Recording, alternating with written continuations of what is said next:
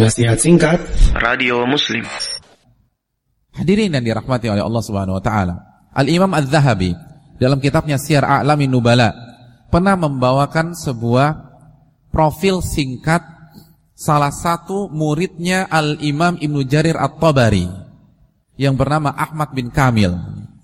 Siapa yang pernah mendengar nama tersebut? Siapa yang bisa menceritakan siapa sosok Ahmad bin Kamil?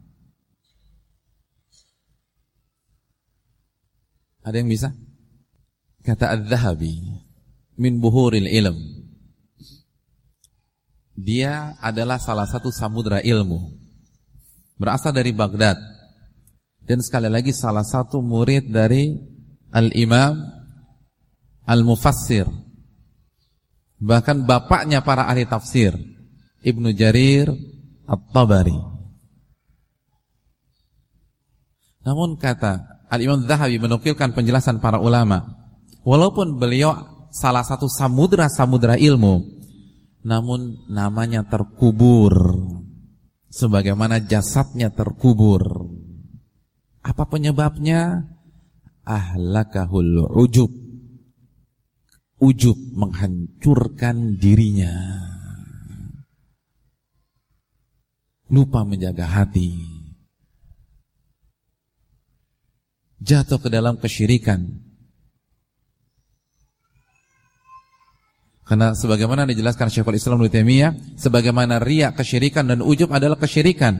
Ketika kita riya, kita menduakan Allah dengan manusia. Adapun ujub kita menduakan Allah dengan diri kita sendiri. Ini karena saya, saya yang hebat. Saya yang soleh, saya yang cerdas. Semuanya saya, saya dan saya. Akhirnya namanya terkubur. Karena tidak menjaga niat di dalam hati dia. Oleh karena itu saya sudah menduga antum nggak ada yang tahu. Makanya saya berani tawarkan handphone saya. Hadirin yang dirahmati oleh Allah Subhanahu wa taala, ini menunjukkan pentingnya keikhlasan. Pentingnya menjaga hati. Bahkan ini faktor utama yang harus dimiliki oleh para penuntut ilmu agama.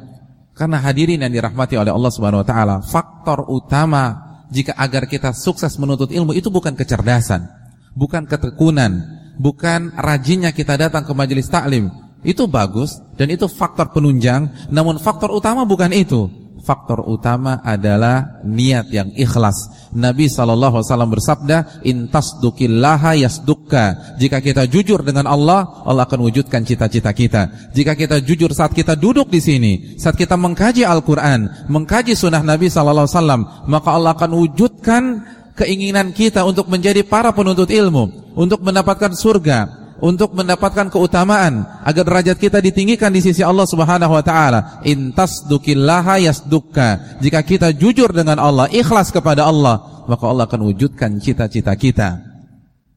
Adapun kalau kita tidak ikhlas, maka kita akan berakhir dengan kehancuran. Hadirin yang dirahmati oleh Allah Subhanahu. Sekali lagi, faktor utama agar kita sukses menuntut ilmu bukan kecerdasan. Betapa banyak orang cerdas tapi ilmunya tidak bermanfaat. Betapa banyak orang cerdas itu sesat. Dan contoh-contoh dalam masalah itu banyak. Dan di antaranya adalah tokoh-tokoh Mu'tazilah. Siapa yang meragukan kecerdasan para tokoh-tokoh Mu'tazilah? Wasil bin Atta. Siapa yang tidak kenal beliau? Ketua umumnya Mu'tazilah. Iya apa tidak? Iya. Anak tanya sama antum, an, Ustadz Ustadz antum itu siapa namanya? Hah? Ustadz Afifi hafizahullah taala. Ustadznya Wasil bin Atta Hasan Al-Basri. Bayangkan ustadznya, gurunya Wasil bin Atta Al Hasan Al-Basri. Siapa yang meragukan? Dan orang ini cerdasnya keterlaluan hadirin. Cerdas banget. Salah satu contoh kecerdasannya yang sering dinukilkan oleh para pakar bahasa. Orang ini cadel. Kalau cadel tidak bisa mengucapkan huruf apa? Kok R sih? Ro. Nggak ada R dalam bahasa Arab. Ro.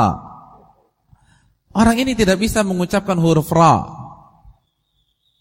Suatu ketika, ketika terjadi sebuah event besar, ketika manusia berkumpul, dia ingin diperma teman-temannya mau mempermainkan Wasil bin Atta. teman-temannya mau menjatuhkan Wasil bin Atta. Bagaimana caranya? Ketika seluruh manusia sudah berkumpul, teman-temannya tersebut memerintahkan dan mendesak dia untuk memberikan ceramah dan khutbah tanpa persiapan sama sekali. Apa tujuan teman-temannya? Agar dia malu, agar manusia tahu bahwa Wasil bin Atta itu tidak bisa mengucapkan huruf ra. Mereka ingin mempermalukan Wasil bin Atta. Coba antum bayangkan. Antum pergi ke masjid untuk mengerjakan salat Jumat. Antum mengambil di saf paling depan. Ketika jam sudah menunjukkan jam 12 tepat, su, uh, zuhur di sini jam berapa? 12 uh, 12 kurang kan ya? Ketika jam menunjukkan jam 12 tepat, ternyata khotibnya nggak datang-datang.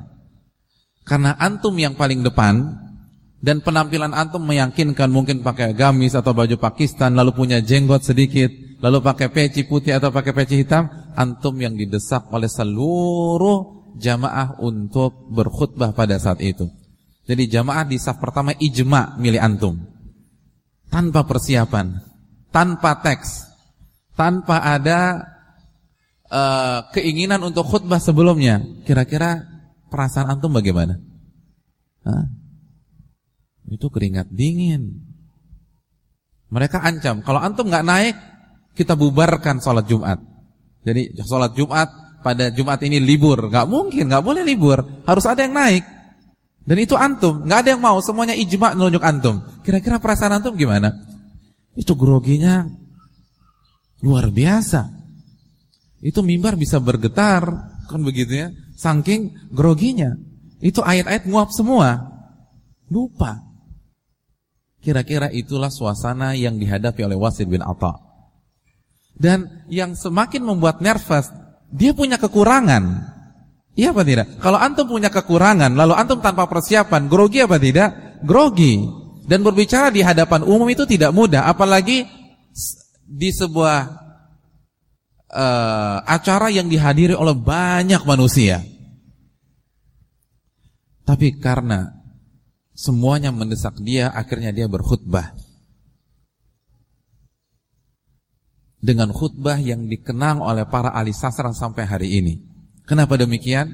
Karena dia berkhutbah dengan khutbah yang sangat indah, khutbah yang cukup panjang, tanpa ada huruf ro sama sekali di khutbah tersebut. Semua kata yang ada huruf ro dia ganti dengan sinonimnya yang tidak ada huruf ro tanpa persiapan, tanpa teks, mendadak di tempat. Allahu Akbar. Siapa di antara antum bisa seperti itu? Anak kasih waktu antum dua minggu, kira-kira bisa buat khutbah tanpa huruf R tidak? Susah. Baru kalimat pertama saja sudah diskualifikasi dengan rahmat Allah. Kena R rahmat. Oh kalau gitu rahmatnya diganti aja Ustadz. Dengan karunia Allah, karunia kena lagi R. Beliau bisa buat sebuah khutbah tanpa huruf Ra. Bagaimana kecerdasan itu? Bayangkan cerdas. Dan dibina oleh Hasan Al-Basri. Namun sesat. Menjadi ketua umum Mu'tazilah. Orang nomor satu di kelompok sesat yang bernama Mu'tazilah. Apa kata Syekhul Islam tentang tokoh-tokoh Mu'tazilah? Utu zaka'an walam yu'tu zaka'an. Orang-orang Mu'tazilah diberikan kecerdasan, tapi mereka tidak diberikan kesucian hati. Mereka tidak diberikan kejernihan hati. Mereka tidak ikhlas. Mereka sombong. Mereka ujub. Makanya saking sombongnya, salah satu prinsip Mu'tazilah mendahulukan akal daripada nas, daripada nakal, daripada dalil. Kenapa? Saking merasa diri hebatnya. Al-jahil Siapa yang tidak kenal jahil?